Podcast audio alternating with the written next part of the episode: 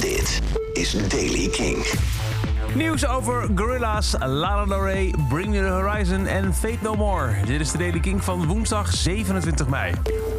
Gorilla's komt met een eerste almanak. Een soort van, nou ja, hij komt uit in oktober, winterboek, een activiteitenboek. Dat hebben ze gisteren aangekondigd. Uh, games, puzzels, strips, van alles staat erin. Het wordt een full-color, uniek, leuk verpakt, 120 pagina's stellend eerbetoon aan twee glorieuze decennia van Gorilla's. Zo ronkt het persbericht. En zoals gezegd, de Gorilla's Almanak verschijnt in oktober. In september komt het nieuwe studioalbum van Lana Del Rey. Ze heeft de titel bekendgemaakt op Instagram. Chemtrails over the Country Club, zo gaat het heten. En wordt de opvolger van Norman fucking Rockwell. Bring Me The Horizon komt op 10 juni met een gloednieuwe single. Parasite Eve is aangekondigd voor die dag. Het vijftal is bezig aan de follow-up van Emo uit 2019 tijdens door de, door de coronavirus opgelegde lockdown.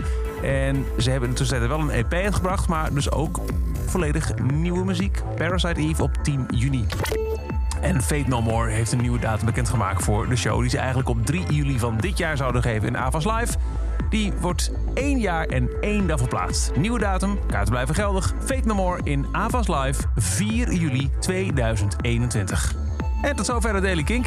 Elke dag een paar minuten bij met het laatste muzieknieuws en nieuwe releases. Niks missen. Luister dan dag in dag uit via de Kink-app, kink.nl of waar je ook maar naar podcast luistert.